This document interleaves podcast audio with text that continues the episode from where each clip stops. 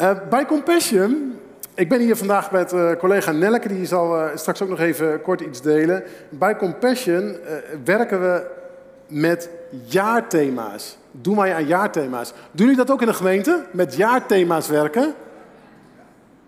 Ik heb daar een haat-liefdeverhouding mee. En ik zal je vertellen waarom. Uh, na de zomervakantie begint dat kerkelijke seizoen natuurlijk weer. Uh, Richard zei het al, we werken heel veel via de lokale kerk. In Nederland natuurlijk, in het vertellen van het verhaal wat we aan het doen zijn wereldwijd. Meer dan 8.500 kerken wereldwijd mogen we ondersteunen. Kerken die zelf uitreiken, lokaal, op allerlei plekken in de wereld, waar extreme armoede is, waar kinderen uit de Sloppenwijk naar het project gaan, door die lokale kerk gesupport worden. We werken met tal van kerken, ook hier in Nederland. En dan in het nieuwe seizoen, dan hebben we weer zo'n jaarthema. En dan gaan we vanaf juli tot en met eind juni met dat thema aan de slag. En dan is er zo'n klein clubje fanatiekelingen. Die zijn dan een paar dagen of een midweek eh, ergens op de hei. En dan zijn ze aan het nadenken over wat God dan misschien wel wil geven voor het nieuwe jaar bij Compassion. En dat zijn dan mensen die dan een soort van half aan het bidden en het vasten zijn in die week. En dan komen ze terug en dan zitten we bij een personeelsvergadering met elkaar. En dan, dan wordt het jaarthema over de groep gegooid. Jongens, dit is het jaarthema. En dan zit ik daar soms en denk ja, ik was niet bij dat bidden, ik was niet bij dat vasten. Hij is sowieso, of zij sowieso veel vromer dan ik, want ik heb deze week niet gevast. Hij of zij wel. Ik kan er niet gelijk in meekomen. Ik heb er een haat-liefde verhouding mee. En misschien herken je ook dat wel hier in de gemeente. Dat Richard met zijn vrouw, misschien wel het hele oudste team, dan aan de slag gaan. En dat jaarthema in de gemeente wordt gebracht. En jij denkt van ja, dat thema joh, daar hang je dan alles aan op. Of het nou wel of niet kan, dit is het jaarthema. Nou, bij Compassion, Nelke, wat is het jaarthema eigenlijk dit jaar bij Compassion? Dat is een grapje. Ons jaarthema bij Compassion is dit jaar ambitie en rust. Ambitie en rust. En ik dacht, want dat, is, dat schuurt ook in mijn eigen leven, wel zal ik iets over vertellen. Dat is misschien ook wel mooi gewoon voor een nieuw seizoen om hier vanmorgen kort iets over te delen. Dat thema ambitie en rust. Je kunt je wellicht voorstellen dat er ook binnen zo'n club als Compassion behoorlijk wat ambitie is. Mensen die met een bijzonder verhaal bij de club gekomen zijn, die tijdens de sollicitatieprocedure een bijzonder verhaal te vertellen hebben hoe God in hun leven gesproken heeft, dat ze geroepen zijn om iets te willen doen aan de armoede in de wereld, graag recht willen doen. En dat is ook deel van mijn eigen verhaal. Van kinds aan, volgens mij heb ik dat hier in de gemeente wel eens verteld, de afgelopen jaren. Van kinds aan ervaar ik ook die roeping om veel van mijn tijd te willen geven voor die kwetsbare medemens. Daar heb ik ook eigenlijk heel mijn leven wel op ingericht. God heeft dat gezegend, God heeft dat geleid. We mogen in Apeldoorn-Zuid allerlei mooie dingen doen voor mensen in de wijk. Uh, eenoude gezinnen, uh, gezinnen die, die weinig te besteden hebben. En ook binnen Compassion wereldwijd gewoon heel veel mooie dingen mogen doen. Vanuit een stuk roeping. Dat God gesproken heeft, spreek voor hen die weerloos zijn. En bescherm het recht van hen die vertrapt worden. Spreek oordeel rechtvaardig. Geef armen en behoeftigen dat waar ze recht op hebben. En dat gaat eigenlijk als een rode draad door mijn leven. En dat is mooi. En dat, dat, ja, dat zorgt ook wel voor een bepaalde ambitie. Want ja, de, de wereld is groot. Er is zoveel nood, zoveel te doen. Dus jongens, laten we gaan in de naam van Jezus. We hebben het zelfs in onze tagline gezet, in ons logo, als je ons logo kent. Wij bevrijden de kinderen van armoede in de naam van Jezus.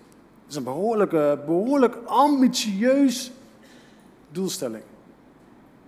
Heel groot. En ik snap hem. En ik herken hem in mijn eigen leven. Want wie wie ben je dan als je ambitieus bent? Ik heb dat even opgezocht. Wellicht leuk om, en ik, af en toe chargeer ik een beetje natuurlijk, hè, maar uh, wellicht leuk om even te kijken wat het dan betekent. Mensen met ambitie, weet je wat daarover staat? Ik heb dit gevonden. Mensen met ambitie die stellen zichzelf een duidelijk carrière-doel. Een uitdagend doel, een stap in hun carrière waarvoor ze moeite moeten doen en buiten de grenzen van hun comfortzone moeten gaan. Een ambitieus persoon legt de lat voor zichzelf dus hoog en is in staat met enthousiasme lang en hard te werken. Zie mensen kijken van nou, waar gaat het heen vanmorgen? Ambitie. Ambitieuze mensen. Ambitie betekent dat je iets tot stand wil brengen. Dus een sterk verlangen iets groots te willen bereiken. Nou, dat is volgens mij wat we willen. Dat voel ik en dat proef ik ook wel hier in de gemeente, bij Nehemia. Dat we met elkaar vanuit het verlangen om iets groots te willen bereiken, dat koninkrijk van God zo graag doorzien breken, ook in deze omgeving.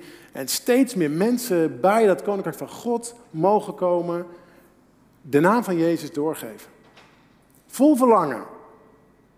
De opdracht van God serieus nemen. En nogmaals, ik voel hem. Ik wil graag gehoorzaam zijn aan die grote opdracht.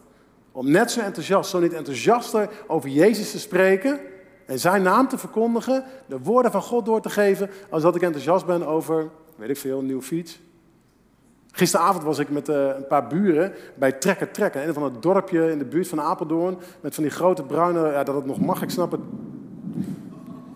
ik weet niet of dat dan uh, ook een goedkeuring is. Maar van die, van, die, van die trekkers, weet je wel, dan, testen ze dat vermogen. Er zijn een heleboel boeren daar, ze allemaal op klompen. Ik had ook mijn klomp aangedaan. Groot feest, wordt veel bier geschonken en gedronken. En, en dus ergens ook dadelijk wel een soort van haat-liefdeverhouding mee. Ik vond het mooi om er te zijn in dat subcultuurtje van die boeren een beetje te beleven. En uh, zoveel enthousiasme over die trekkers.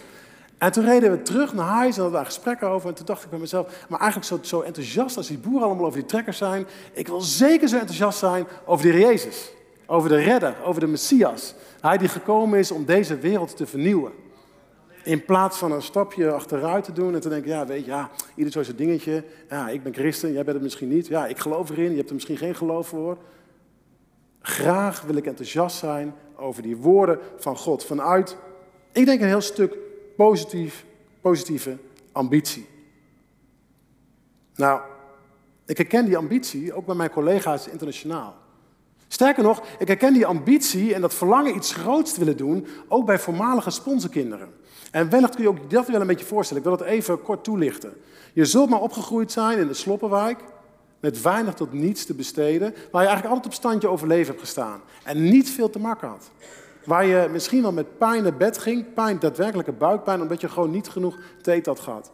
En als er dan een enthousiaste kerk is die zegt in de naam van Jezus willen wij heel graag in deze omgeving het verschil maken, willen we jou helpen, ja dan ben je wel een van de lucky ones. Dan mag je komen naar zo'n compassion project, dan leer je lezen en schrijven, krijg je aanvullende maaltijden, extra zorg, aandacht. En als je ziek bent, ziek wordt, dan, dan is er een, een ziekenhuis die, die contact heeft met het compassion project. Dan heb je als het ware gewoon een nummer van dit kind kan naar het ziekenhuis komen, want er zit een financiële vergoeding achter. Dat lokale project kan ook de kosten om dit kind beter te maken betalen. Dus eigenlijk heb je ja, heel veel kansen meer dan die kinderen in de Sloppenwijk die dat niet hebben. En in de afgelopen 25 jaar dat ik heel veel, op heel veel plekken geweest ben, veel kinderen gesproken heb, veel voormalige sponsorkinderen in de ogen gekeken heb, gesprekken gevoerd heb, heb ik veel van die ambitie teruggezien van gasten, van jongens, van meiden, begin twintig, die als het ware een soort van zelf ook ervoor, ja, ik ben een van de weinigen die door God gezegend is, uit die sloppenwijk van armoede los me, heb kunnen losmaken. Ja, ik krijg één kans, die moet ik wel met beide handen aangrijpen en, en er het beste van maken. Ambitieuze mensen met een hoog, groots doel om in hun eigen omgeving weer het verschil te maken. En in de naam van de Heer Jezus, we zegenen dat, want dat is prachtig. Dat is prachtig. En tegelijkertijd is daar ook die andere kant. En laten we ook daar maar eerlijk over zijn. Want ambitie, ja, dat kan ook doorslaan. In het feit dat je maar blijft werken. Misschien wel te weinig rust ervaart. Te hoge verwachtingen van jezelf. En ook die herken ik wel. Bij tijden zeg ik tegen je net, mevrouw, hey, als we de lat te hoog hebben liggen, voor onszelf, naar onze kinderen, naar elkaar in onze relatie, of naar de mensen die meebouwen in Apeldoorn Zuid, in die community die we met elkaar vormgeven, en al die activiteiten die we doen voor de wijk. Als de lat te hoog ligt en we halen met elkaar die lat niet, ja, dan heb je een soort van, als dit de werkelijkheid is, en hier ligt onze verwachting, ja, dan heb je een soort gap en, en, en dan, dan wordt dat heel snel frustratie. En dat is niet prettig. Dus ambitie en het verlangen iets groots te willen doen in het koninkrijk van God, het kan zelfs doorslaan wat vervolgens stress kan opleveren. Waardoor ik of jij we overwerkt raken. Waarin we ja, misschien wel overspannen raken of burn-out raken. En dat is niet de bedoeling. Ik geloof niet dat dat Gods waarheid is. Ik geloof niet dat Gods kinderen geroepen zijn om zo hard te werken dat ze gewoon op een gegeven moment gewoon uitgearrangeerd of aan de kant zitten uit te blussen. Ja, dat, dat, de, dat die grens er niet was. En ons leven is kwetsbaar, hè? Dus geen oordeel, lieve mensen. Als jij hier misschien wel uitgeblust zit, dan kunnen natuurlijk dingen in ons leven gebeuren waardoor het gewoon te ingewikkeld geworden is. Waardoor er gewoon ook gebrokenheid is. Waardoor je lijdt aan het leven of inderdaad aan die hoge lat. Dat zorgt voor stress en dat is heel vervelend. Ik denk ook dat we daarom bij Compassion dit jaar nadenken over dat thema. Ambitie en rust. Is goed denk ik om even met elkaar die Bijbel in te duiken. Om even te kijken ook naar het woord rust. Want daar zegt de Bijbel heel veel mooie dingen over. We hebben kort even stilgestaan bij ambitie. Het is mooi, het is prachtig. Het kan je in vuur en vlam zetten. Het kan je een mooi doel geven. Hier wil ik naartoe werken en daarvoor gaan. Ambitie kan ook kwetsbaar zijn, waardoor er stress ontstaat. Waardoor het lastig wordt in mijn leven. Daarom ambitie versus rust. Nou, als ik in mijn leven kijk, eh, ik heb twee bedrijven, eh, ik zit in drie besturen van een paar stichtingen. Eh, we hebben dus die woonzorgboerderij bij Old School en een buurthuis. Ik ben ook nog papa van zes kinderen. Die rust van mij die vindt ergens plaats tussen s'avonds 11 uur en een uurtje of half één s'nachts. Dus ik preek vooral ook vandaag tegen mezelf. Als het gaat over rust. Het is waardevol. Ik deel iets over dat woord van God, maar ik heb het vandaag ook tegen mezelf. En ik ben eigenlijk wel een beetje een Marta met een beetje testosteron. Dus veel doen, hard werken, allemaal mooi en goed en waardevol. Daarom ook even kijken naar dat woord rust. Nou, als we in de Bijbel kijken naar het woord rust. Ik vond dat in het Oude Testament een Hebreeuws woord heel veel omvat als het gaat over rust. Dat is het woord menucha. In het Oude Testament wordt er heel veel gesproken over rust met het Hebreeuwse woord menucha. En het wordt gebruikt met betrekking tot onze geestelijke, lichamelijke en sociale rust. Een paar dingen daarover. Onze geestelijke rust, die is nodig. Weet je, God heeft ons een geest gegeven. Je zou kunnen zeggen dat het contactorgaan waarmee wij kunnen communiceren met de Heilige Geest. Een geest, ons wezen, wat, wat maakt dat we denken, dat we in beweging kunnen komen, dat we een visie vormen, dat we kunnen spreken, dat wat in ons is. Onze geest die communiceert met de geest van God. Vrij logisch hè, dat als we verlangen om de geest van God tot ons te laten spreken, dat mijn geest bij tijden ook tot rust moet komen. Spreken hier in de stilte. Dat wil hij doen. Dus rust nemen die menucha zegt iets over de innerlijke rust, mijn geest tot rust komt. En ik weet, en dat verschilt natuurlijk wel per persoon, maar dat wij mensen op de een of andere manier heel snel toch ja, verleid worden door maar te blijven nadenken. Een ander woord daarvoor zou je zomaar piekeren kunnen noemen. Zo snel maken we ons zorgen. En dan zingen we prachtige liederen over ons vertrouwen stellen op God. En tegelijkertijd blijven we maar piekeren en nadenken. En kunnen we vastzitten in ons denken. Heere God, wilt u vandaag onze geest in de rust brengen met uw geest van God? Zodat de Heilige Geest tot ons kan spreken. Het Oude Testament spreekt over menucha. Tot rust komen. Geestelijk tot rust komen. Blijkbaar kun je dus daar ook gewoon keuzes in maken. Ik doe dat, wat ik zei. Voor mij is die rust vaak of in een auto, als ik naar afspraken rij, of s'avonds tussen 11 en 1. Ik heb niet zo heel veel slaap nodig, dus dat is mijn moment. U of jij kan wellicht een ander moment daarvoor gebruiken. Maar het is belangrijk dat onze geest bij tijden tot rust komt. De Bijbel spreekt ook over rust als het gaat over ons lichaam. Nou, dat is niet zo moeilijk, hè? De meeste van ons slapen een derde van ons leven. Dat is best een beetje jammer, maar dat is wel een beetje wat het is. Blijkbaar hebben we dat nodig. Dat we weer ja, nieuwe krachten krijgen voor een nieuwe dag. Lichamelijke rust. Super belangrijk. En praat er ook over met elkaar. Van, hey, zit je lekker in je vel? Ah, zit je niet lekker in je vel? Rust nemen bij tijden. Super belangrijk. Ik vond het opvallend. Ik heb zelf best wel een groot sociaal netwerk. Dat de Bijbel ook spreekt over dat sociale netwerk. Dus sociale rust nemen. Soms, mijn vrouw zegt dat regelmatig, oh het is even te veel joh, iets te veel prikkels.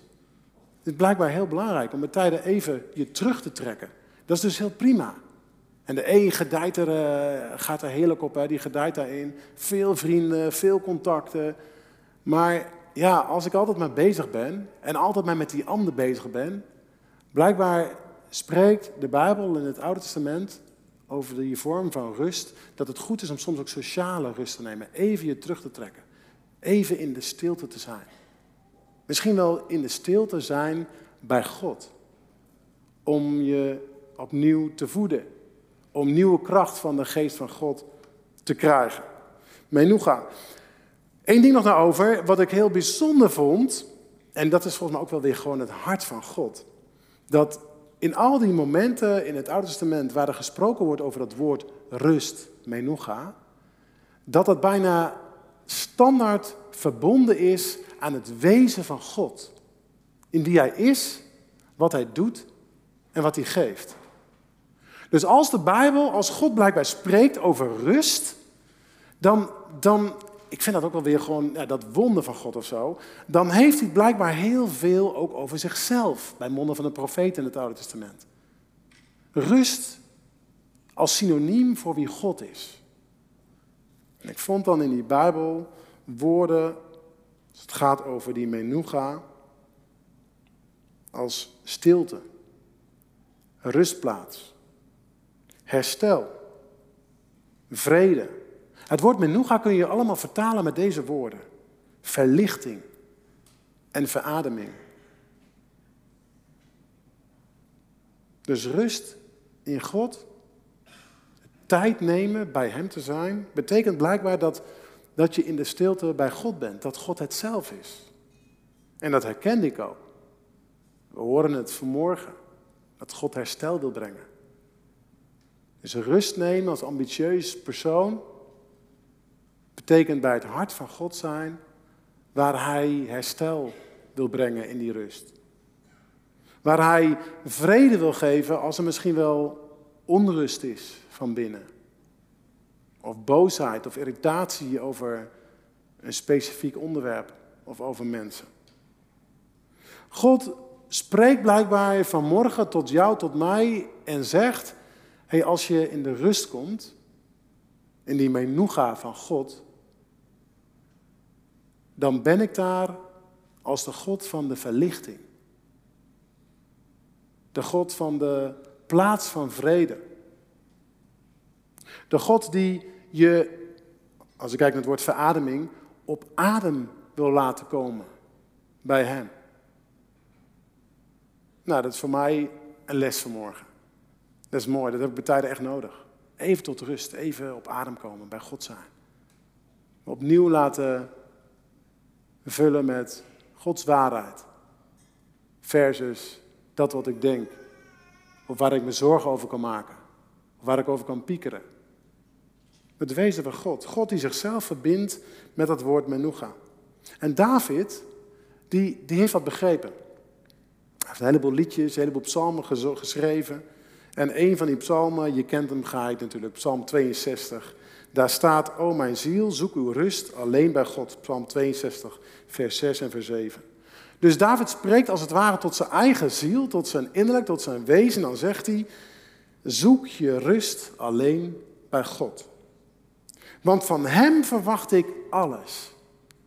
En dat bedoelde ik net. Als we zingen over God of Miracles, je kunt het soms zomaar even kwijt zijn. Dat we inderdaad geloven in een God die nog steeds in deze tijd, 2023, wonderen doet. Mensen herstel geeft, mensen wil genezen, rust wil geven waar een hart vol onrust is.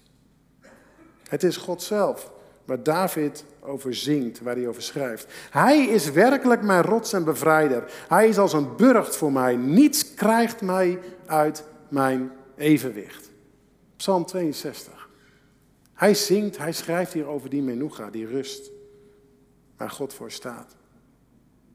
David had dat geleerd natuurlijk uit de Torah, uit het uh, Oude Testament, waar God zelf uit liefde voor zijn schepping zoveel wetten en richtlijnen heeft gegeven voor het welzijn van zijn kinderen.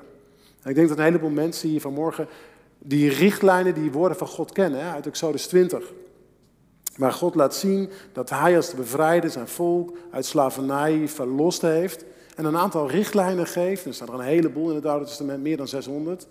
Maar samengevat in die tien, waardoor het goed met je zal gaan. Nou, een uitwerking van uh, die versen uit Exodus 20 vind je in hoofdstuk 23 van Exodus. En daar wil ik een paar versen met je van lezen. Nou, ik doe dat vanmorgen in de basisbijbel, omdat dat gewoon heel, hele mooie, makkelijke spreektaal is die zo je hart binnenkomt. Exodus 23, waar God spreekt over die rust, ook in relatie tot ons werk. Exodus 23, vers 6, daar begin ik te lezen. En daar zegt God dan tegen zijn volk Israël en vanmorgen tegen ons: Je mag arme mensen niet oneerlijk behandelen in hun rechtszaken. dus God heeft het als het ware hier gelijk al over het verschil tussen de een en de ander. De een kan vermogend zijn, de ander arm. Nou, als je vermogend bent, zou je zomaar meer macht en meer zeggenschap kunnen hebben. Ik zie dat patroon nog steeds in 2023. Maar duizenden jaren geleden voorzag God het al en zei hij nee, niet doen. Arme mensen mag je niet oneerlijk behandelen in hun rechtszaken. Je mag de feiten ook niet verdraaien. Je mag iemand die onschuldig is niet ter dood veroordelen. Want mensen die dat doen, die zal ik, God de Heer, zeker straffen. Vers 8. Je mag je niet laten omkopen, want als je je laat omkopen, dan doe je je ogen dicht voor de waarheid. En dan worden er onschuldige mensen veroordeeld. Verbazingwekkend. Als je deze woorden in onze tijd even tot je laat doordringen. ik weet niet hoe jij naar de samenleving kijkt, maar ik, ik zie, ik merk veel verwarring.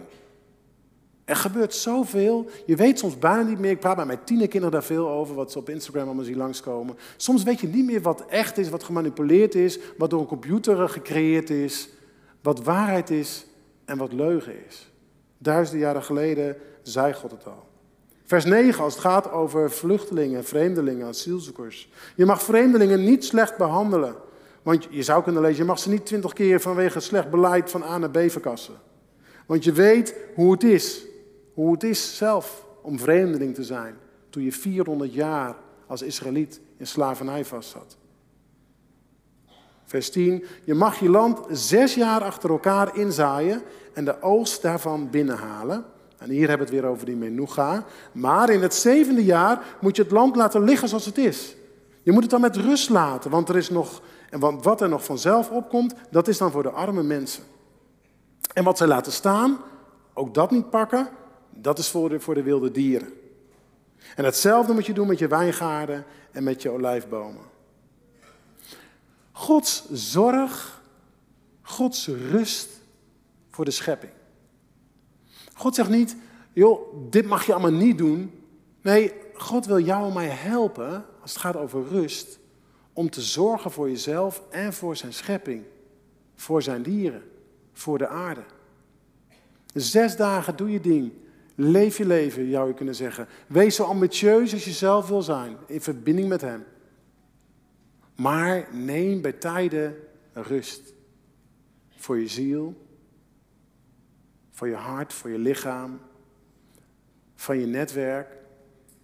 Waardoor je kan opladen. Waardoor je kan zijn bij het hart van God. Neem rust. Je mag zes dagen per week, tot slot, vers 12, mag je werken, maar op de zevende dag moet je uitrusten. En dan kunnen ook je koe en je ezel uitrusten. En de zoon van je slavin en de vreemdeling die als knecht voor je werkt. Ze kunnen allemaal dan weer even op adem komen, zegt God. Ja, wij zijn daar wel een beetje vandaan hè, bij tijden. Maar ik vind het waardevol. Ik probeer het ook in mijn eigen gezin. En iedereen doet het op zijn manier natuurlijk. Hè? Maar ik probeer het ook in mijn eigen gezin. Gewoon in het gesprek met mijn kinderen. Met elkaar om dat vast te houden. Een dag van rust. Waarin we daadwerkelijk tijd apart zetten, reserveren. Om bij God te zijn in de kerk. Van Hem te horen. Elkaar te bemoedigen het gezellig, het goed hebben met elkaar als gezin.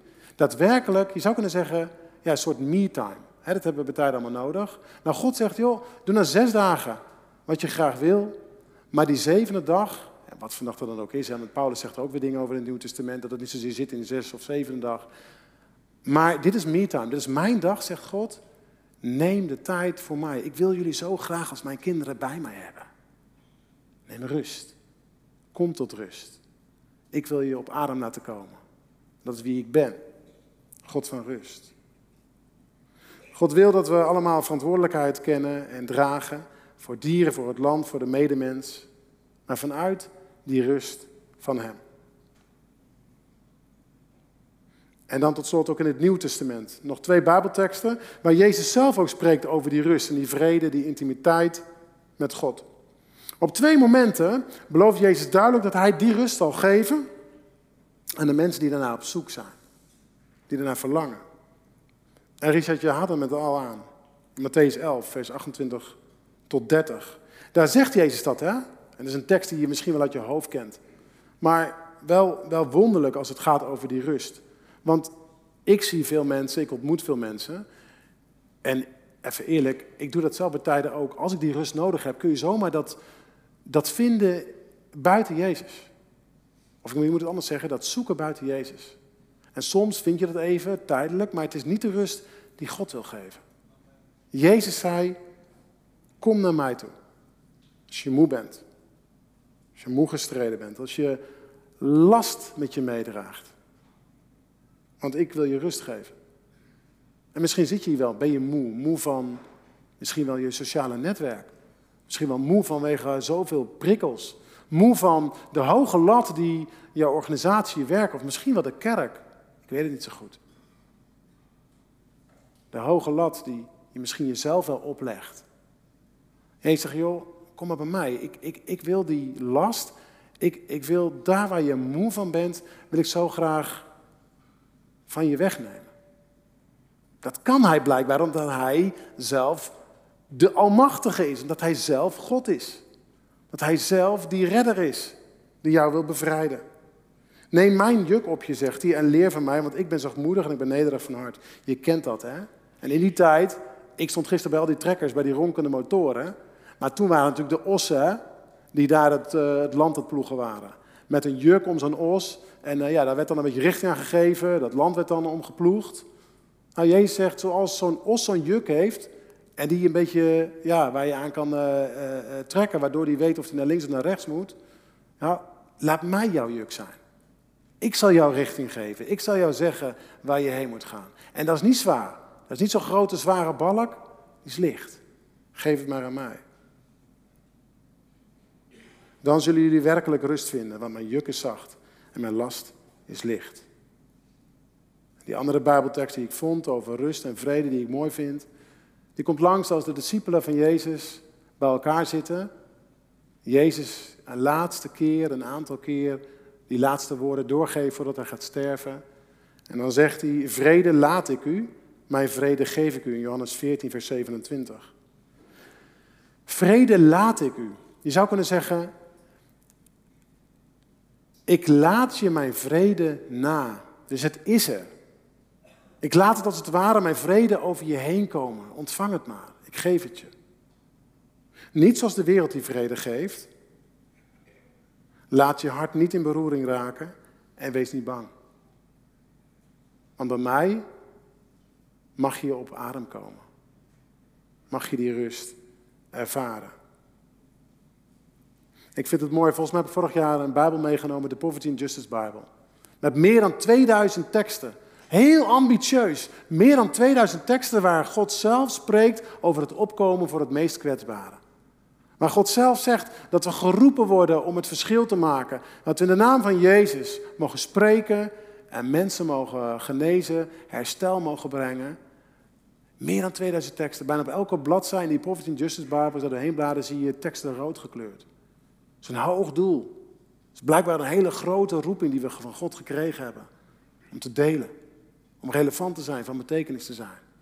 Maar, zegt God vanmorgen, kerel Jorien, wel in de rust. Dicht bij mijn hart.